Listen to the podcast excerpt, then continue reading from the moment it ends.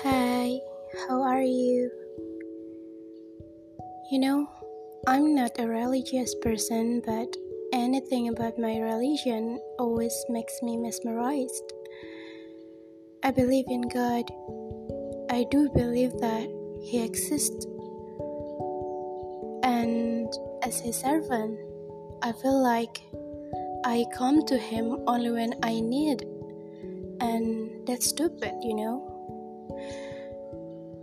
And for all the stupid things I had ever done, for all my mistakes I had ever commit, and for all my sins I had ever commit, He still provides me.